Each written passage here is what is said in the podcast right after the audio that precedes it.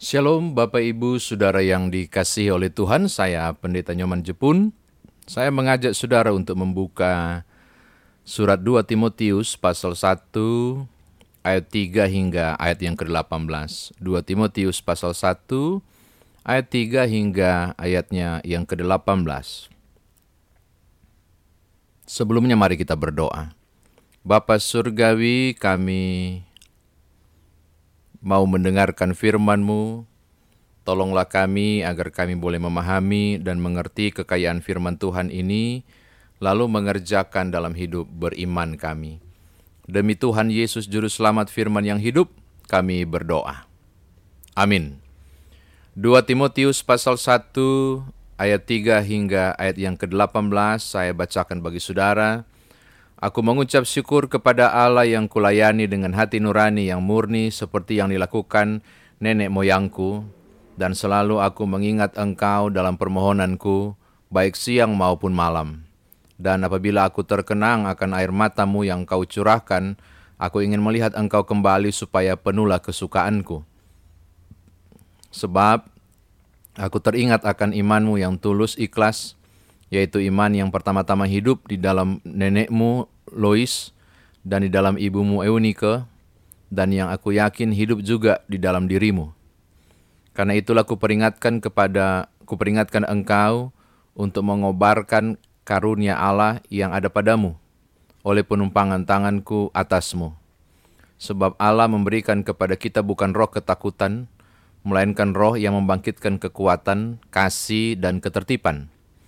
Jadi janganlah malu bersaksi tentang Tuhan kita dan janganlah malu karena aku seorang hukuman karena dia melainkan ikutlah menderita bagi Injilnya oleh kekuatan Allah. Dialah yang menyelamatkan kita dan memanggil kita dengan panggilan kudus, bukan berdasarkan perbuatan kita, melainkan berdasarkan maksud dan kasih karunia-Nya sendiri yang telah dikaruniakan kepada kita dalam Kristus Yesus sebelum permulaan zaman. Dan yang sekarang dinyatakan oleh kedatangan Juru Selamat kita, Yesus Kristus, yang oleh Injil telah mematahkan kuasa maut dan mendatangkan hidup yang tidak dapat binasa. Untuk Injil inilah aku telah ditetapkan sebagai pemberita, sebagai rasul, dan sebagai guru. Itulah sebabnya aku menderita semuanya ini. Tetapi aku tidak malu, karena aku tahu kepada siapakah aku percaya, dan aku yakin bahwa dia berkuasa memelihara apa yang telah dipercayakannya kepadaku hingga pada hari Tuhan. Peganglah segala sesuatu yang telah engkau dengar daripadaku sebagai contoh ajaran yang sehat, dan lakukanlah itu dalam iman dan kasih dalam Kristus, Yesus. Peliharalah harta yang indah yang telah dipercayakannya kepada kita oleh Roh Kudus yang diam di dalam kita.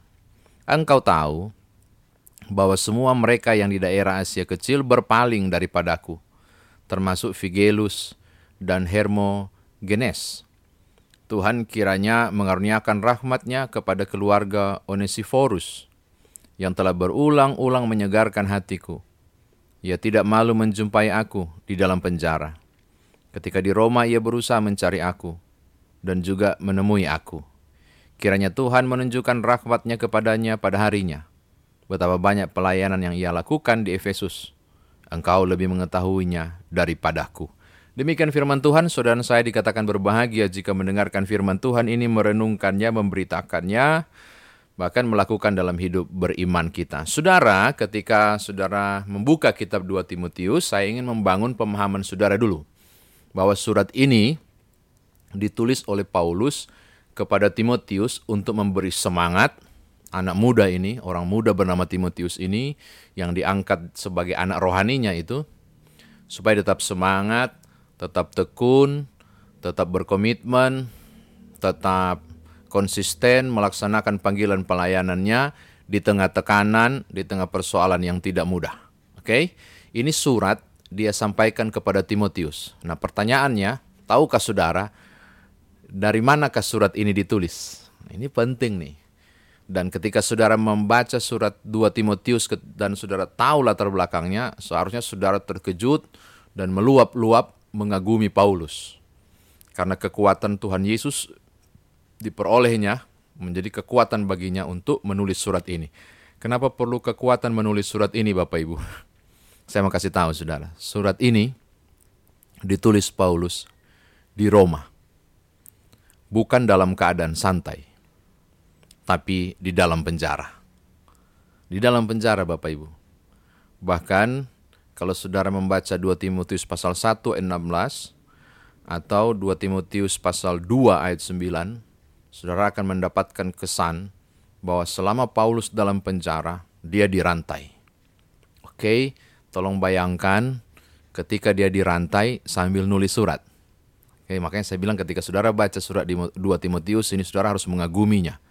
Kedua, kemungkinan besar Bapak Ibu, dia berada di sebuah sel atau penjara bawah tanah yang terpapar pada berbagai unsur yang sangat mengerikan. Itu saudara bisa baca pada 2 Timotius pasal 4 ayat 13 dan ayat 21. Pasal 4 ayat 13 dan ayat yang ke-21. Saya bacakan ya misalnya ya. Jika engkau kemari bawa juga jubah yang kutinggalkan di Troas di rumah Karpus dan juga kitab-kitabku terutama perkamen ini. Jadi uh, cukup kuat kemungkinan ada sesuatu sehingga dia harus ganti baju misalnya. Atau di ayat 21 pasal 4 Saudara akan menemukan berusaha kemari sebelum musim dingin. Kemungkinan juga dia nggak punya pakaian yang cukup di sana, di bawah tanah. Waduh luar biasa. Dia mengalami kesulitan di dalam penjara. Oke, okay? sekarang saudara bisa bayangkan tangannya dirantai, ada pemberat batu.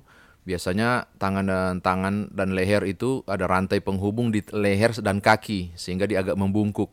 Jadi kalau tidur dia tidur melengkung, tidur udang. Kalau berdiri dia akan bungkuk. Sekarang tolong bayangkan gimana cara dia nulis surat. Oke, okay? ini tidak mudah loh, tidak mudah. Tidak mudah. Sekarang kita cari tahu. Kenapa sampai dia menderita seperti itu? Kenapa dia sampai mengalami sesuatu yang tidak menyenangkan itu? Saudara akan menemukan jawabannya. Jawabannya itu ada di pasal satu yang kita baca secara khusus ayat 12. Itulah sebabnya aku menderita semua ini. Kenapa dia menderita ayat 11? Untuk Injil inilah aku telah ditetapkan sebagai pemberita, sebagai rasul, sebagai guru. Itulah sebabnya aku menderita semuanya ini. Coba lihat. Jadi dia di penjara gara-gara beritakan Injil dia di penjara karena beritakan Injil. Tetapi dia bilang begini di ayat yang ke-12. Itulah sebabnya aku menderita semua ini. Tetapi aku tidak malu. Wow, ini bicara soal kalaupun di penjara lagi gue siap. Ini bicara soal melaksanakan komitmen. Dia tidak malu, dia konsisten, dia tidak berubah berarti dah. Konsisten itu berarti nggak berubah, dia tetap tetap mau jadi pemberita dan dia konsi, uh, uh, komitmennya dia jalankan yaitu dia terikat pada perjanjian dengan Yesus Kristus untuk menjadi pemberita Injil. Jadi ketika saudara cari tahu uh, surat ini ditulis dalam penjara dan saudara tahu di, dia di penjara karena berita Injil dan saudara tahu dia sangat menderita di sini, sekarang pertanyaannya. Pertanyaan berikut. Kira-kira apa yang dia tulis?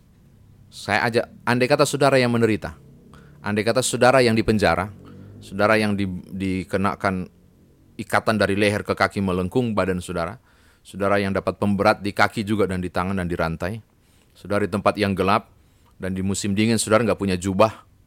Tadi saya sudah bilang toh, musim dingin cepatlah kau ke sini kata dia. Seakan-akan bahwa dia udah udah udah udah udah nggak nyaman dia dan mulai sakit. Kira-kira ketika dia berkesempatan menulis surat, dia mau bilang apa? Kalau saya Bapak Ibu, kalau saya yang di penjara, saya akan bilang, Timotius, ngeri banget di sini. Nggak kuat saya, aduh, berat banget. Sulit saya kesian. Berat loh, berat menghadapi pergumulan ini. Paling tidak dia akan menyampaikan keluh kesah. Kalaupun dia tidak mengeluh ke saya, dia mengadu sedikit-sedikit lah. Timotius, kau kan anak rohani saya, kau kan tahu toh. Sudah tua kesian saya di tempat yang dingin seperti ini. Gelap, saya dirantai. Tolong doakan saya ya. Supaya tetap tekun, supaya saya tetap tegar atau apa pun. Oke? Okay? Saya menduga idealnya, normalnya orang dalam derita seperti Paulus nulis surat pembukanya seperti itu. Kalimat pembukanya harus seperti itu. Tapi tolong lihat teks kita yang kita baca. Apa yang dia tulis? Coba lihat ayat 3. Saudara harusnya terkejut baca ini. Aku mengucap syukur kepada Allah yang kulayani dengan hati nurani yang murni. ya ampun. Dia tetap konsisten dengan pelayanannya dan imannya. Melaksanakan komitmen sebagai pemberita, dia bilang begini, Aku mengucap syukur kepada Allah yang kulayani dengan hati nurani yang murni. Padahal gara-gara Tuhan yang dia layani inilah dia di penjara. Mundur ke dia, balik kanan ke dia, dan dia bilang Tuhan tidak adil, kenapa nggak tolong saya dan melepaskan saya dalam penjara? Enggak Bapak Ibu. Ini berbicara soal bagaimana Paulus tetap teguh, konsisten dengan panggilannya untuk melaksanakan tanggung jawab yang dia janjikan kepada Tuhan, yaitu keterikatannya untuk melakukan sesuatu yang disebut dengan pemberita Injil. Ini bicara komitmen. Dan tiba-tiba dia bilang, aku bersyukur. Penasaran saya, kok bisa ya di tengah kegalauan seperti ini, di tengah ketidaknyamanan ini, dia malah bilang, "Aku bersyukur." Kenapa dia bisa bilang dia bersyukur? Dari mana dia punya kekuatan untuk bersyukur seperti itu? Siapa yang ajar dia? Kita temukan ini ya. Seperti, lihat ayat 3. Aku mengucap syukur kepada Allah yang kulayani dengan hati nurani yang murni, seperti yang dilakukan nenek moyangku. Ternyata dia belajar dari nenek moyangnya yang bersyukur. Nenek moyangnya itu kan orang Yahudi. Dari kata Yehuda yang berarti aku bersyukur. Hingga lahir kata Yadah. Yehuda itu aku bersyukur. Makanya orang-orang Israel itu orang Yahudi itu kehidupannya daily activity-nya itu bersyukur. Makanya dia bilang aku bersyukur sebagaimana sebagaimana yang dilakukan nenek moyangku. Mengucap syukur itu suatu hal yang dia terima sebagai ajaran dan tradisi yang di, diteruskan dari generasi ke generasi. Saya mau bilang begini, mengapa dia mengucap syukur? Memang diajarkan. Diajarkan oleh nenek moyangnya. Saudara tangkap maksud saya? Bahwa seorang yang punya pribadi yang besar, pribadi yang kuat itu, itu biasanya terlihat dari warisan ajaran. Kalau orang tuanya baik mengajarkan komitmen-komitmen, mengajarkan uh, bagaimana hidup yang benar itu menjadi garis dan car, uh, warna tersendiri dalam kehidupan dan diwariskan itu akan terjadi. Paulus melakukannya. Bahkan Paulus bilang Timotius juga seperti itu. Tolong lihat. Ayat yang kelima. Sebab aku teringat akan imanmu yang tulus ikhlas, yaitu iman yang pertama-tama hidup di dalam nenekmu Louis dan di dalam ibumu Eunike dan yang aku yakin hidup juga di dalam dirimu. Coba lihat, pewarisan. Jadi saya mau katakan begini, kenapa Paulus begitu komitmen melaksanakan tanggung jawab sebagai seorang pemberita Injil dan tidak goyah, artinya tetap konsisten pada panggilan itu dalam derita, bahkan berani bersyukur dalam penderitaan. Langkah pertama, karena dia belajar hal baik dari generasi sebelumnya. Termasuk Timotius belajar hal baik dari mamanya dan omanya. Saya mau katakan ini, perhatikan baik-baik. Penting sekali, penting sekali saudara mewariskan ajaran-ajaran yang baik. Penting sekali saudara mewariskan ajaran-ajaran yang benar pada generasi sesudah saudara. Dan penting sekali generasi-generasi muda belajar hal-hal baik dari generasi sebelumnya. Seperti Paulus belajar pada nenek moyangnya, seperti Timotius belajar pada orang tuanya, ibunya, dan kepada omanya. Itu yang membangun komitmen yang luar biasa. Dari Paulus yang hebat di tengah penjara itu, dia tetap konsisten pada komitmennya. Wow, ini luar biasa. Ini catatan saya yang pertama. Yang kedua Bapak Ibu, Lalu bagaimana supaya saya bisa menjaga komitmen pelayanan? Paulus ajarkan ini ke Timotius. Supaya kau bisa menjaga seperti saya, yang kendati pun karena Injil saya e, menderita, saya di penjara, tetapi saya tidak malu untuk itu. Ayat 12. Saya nggak malu untuk itu. Ini bicara soal dia tetap konsisten pada imannya untuk melaksanakan komitmen pelayanannya. Bagaimana caranya? Paulus bilang begini. Supaya kau bisa seperti itu, dia bilang begitu. Lihat ayatnya yang keenam dan ayat yang ketujuh. Karena itu ku peringatkan engkau untuk mengobarkan karunia yang ada padamu oleh penumpangan tanganku atasmu penumpangan tangan itu epistitemi. Jadi Paulus mengurapi Timotius. Dalam urapan itu ada karunia. Dan karunia itu ada di dalam. Tapi tugas Timotius adalah mengobarkannya. Eh, setiap orang dipanggil melayani Tuhan kasih karunia. Tuhan lengkapi. Persoalannya dia mau kobarkan nggak perlengkapan yang Tuhan kasih itu. Artinya dia barakan itu menjadi sesuatu yang dahsyat untuk membuat dia kuat, mampu, semangat, terlengkapi, melaksanakan komitmennya dengan konsisten. Komitmen panggilan pelayanannya itu. Jadi harus kita sendiri karena sudah diurapi, sudah diberkati, sudah ditugaskan, di sini dilengkapi. Ketika dilengkapi, barang itu masih ada, karunia itu masih ada. Tapi harus dikobarkan. Itu hal pertama. Yang kedua dia bilang begini, Sebab Allah memberikan kepada kita bukan roh ketakutan, melainkan roh yang membangkit kekuatan, kasih, dan ketertiban. Tidak usah takut. Lalu bagaimana supaya nggak takut? Paulus bilang begini, Tuhan tidak pernah memberikan roh ketakutan. Apa lawan dari roh ketakutan? Ya roh kekuatan dong. Roh kekuatan kan? Tapi coba saudara lihat ayat 7. Dia nggak sebut roh kekuatan loh, lihat ya. Sebab Allah memberikan kepada kita bukan roh ketakutan, melainkan roh yang membangkitkan kekuatan. Bukan roh kekuatan loh, roh yang membangkitkan kekuatan. Bukan roh kekuatan, tapi roh yang membangkitkan kekuatan. Maksud saya begini, Tuhan tidak beri baju, tapi kasih ulat untuk dibuat supaya jadi benang. Dari benang dipintal jadi kain, dari kain dibuat jadi baju. Saudara tangkap? Tuhan tidak pernah memberi roh kekuatan ketika engkau takut. Tuhan hanya memberi roh pembangkit kekuatan. Lalu, olahlah roh pembangkit kekuatan itu menjadi kekuatan. Supaya engkau mampu melaksanakan komitmen itu. Yaitu keterikatan saudara pada panggilan pelayanan. Itu komitmen kan? Dengan konsisten, tetap tidak berubah Caranya adalah olahlah roh pembangkit itu jadi kekuatan. Sama dengan tadi atas. Kobarkan karunia itu yang Tuhan kasih karena urapan. Ini catatan kedua. Yang ketiga Bapak Ibu. Pada nyatanya ketika saudara baca ayat 16, 17, 18 ada sesuatu yang terjadi. Ayat 15 ayat 16 sampai 18. Ada sesuatu yang terjadi. Ternyata ada orang-orang Kristen yang tidak memiliki konsistensi iman. Melaksanakan komitmen panggilannya. Siapa mereka? Ini loh. Engkau tahu bahwa semua mereka yang di daerah Asia kecil berpaling daripadaku. Termasuk Figelos dan Hermogeneos. Hermogenes. Ternyata ada loh mereka yang nggak setia.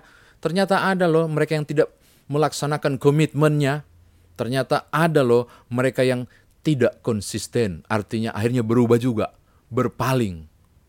Kenapa? Karena tekanan. Kenapa? Karena soal hidup. Kenapa? Karena berbagai hal yang dihadapi. Tapi Paulus bilang, masih ada satu yang bikin senang saya. Siapa itu? Timotius, masih ada satu. Dia punya nama Onesiphorus, ayat 16. Dia nggak malu. Dia berulang-ulang kunjungi saya di penjara. Uh, cari saya di Roma. Coba saudara lihat. Ini mau bicara soal kemampuan bertahan di dalam tekanan. Itu soal bicara soal ketekunan toh menghadapi persoalan yang tidak mudah. Saya kira demikian firman Tuhan ditafsirkan. Nah, sekarang bagaimana kita bawa dalam kehidupan beriman kita? Bapak Ibu Saudara, kita dipanggil, kita dipanggil untuk tetap teguh mempertahankan iman. Itu disebut dengan konsistensi iman kita dipanggil untuk melaksanakan panggilan kita dalam berbagai profesi masing-masing untuk bersaksi bagi Tuhan. Ini bicara soal komitmen. Komitmen itu sesuatu yang terikat pada kita. Kita dipanggil, kan kan kita diajak untuk itu. Toh? Setiap orang yang percaya dipanggil menjadi saksi dalam bentuk apa pun. Di di situasi apa pun, di keadaan apa pun, ada kan ada akan ada tekanan. Akan ada persoalan. Akan ada hal-hal yang tidak mudah. Nah, bagaimana saya menghadapinya? Paulus menyampaikan begini. Kita belajar dari generasi-generasi sebelumnya tentang bagaimana untuk mampu bersyukur di tengah situasi rumit dan ru sulit. Bagaimana mungkin saya melayani? Bagaimana mungkin saya tetap teguh iman? Bagaimana mungkin saya bertahan? Situasinya tidak mudah. Bersyukurlah. Bersyukurlah. Karena begitu banyak orang yang jatuh dan hancur. Bersyukurlah. Aku masih dipanggil untuk tetap teguh karena itu. Di penjara sekalipun Paulus bilang, aku bersyukur. Lalu, Bapak Ibu Saudara, Penting sekali ternyata untuk menyadari tiap karunia. Tolong periksa diri saudara dan saya. Tuhan menitipkan karunia-karunia tertentu untuk melaksanakan panggilan itu. Kobarkan itu. Kobarkan itu. Sebab Allah tidak pernah memberikan roh ketakutan, melainkan roh pembangkit kekuatan. Olah roh pembangkit itu menjadi kekuatan. Laksanakan panggilan saudara. Kalau Paulus bisa, dia manusia biasa loh maka seharusnya saya juga bisa. Nggak mudah ini perjuangan. Tetapi dengan upaya yang teguh, dengan kekuatan yang Tuhan beri, roh pembangkit kekuatan, tapi juga dengan upaya saya mengobarkan dengan sungguh karunia yang Tuhan beri. Saudara akan mampu melaksanakan panggilan saudara, komitmen melaksanakan panggilan itu dengan tetap teguh menghadapi tiap persoalan tidak berubah saya sangat menekankan tidak berubah. Karena kalau nonton YouTube begitu banyak orang yang akhirnya meninggalkan Tuhan di kondisi yang tidak mudah seperti ini. Mari berkomitmen untuk tetap setia di tengah tanggung jawab yang tidak mudah seperti ini. Kobarkan karunia yang ada. Tetaplah bersyukur dan olahlah karunia-karunia yang Tuhan beri termasuk pembangkit kekuatan menjadi kekuatan untuk saudara. Kiranya aku dan engkau keluar sebagai pemenang. Tuhan berkati Bapak Ibu. Haleluya. Amin.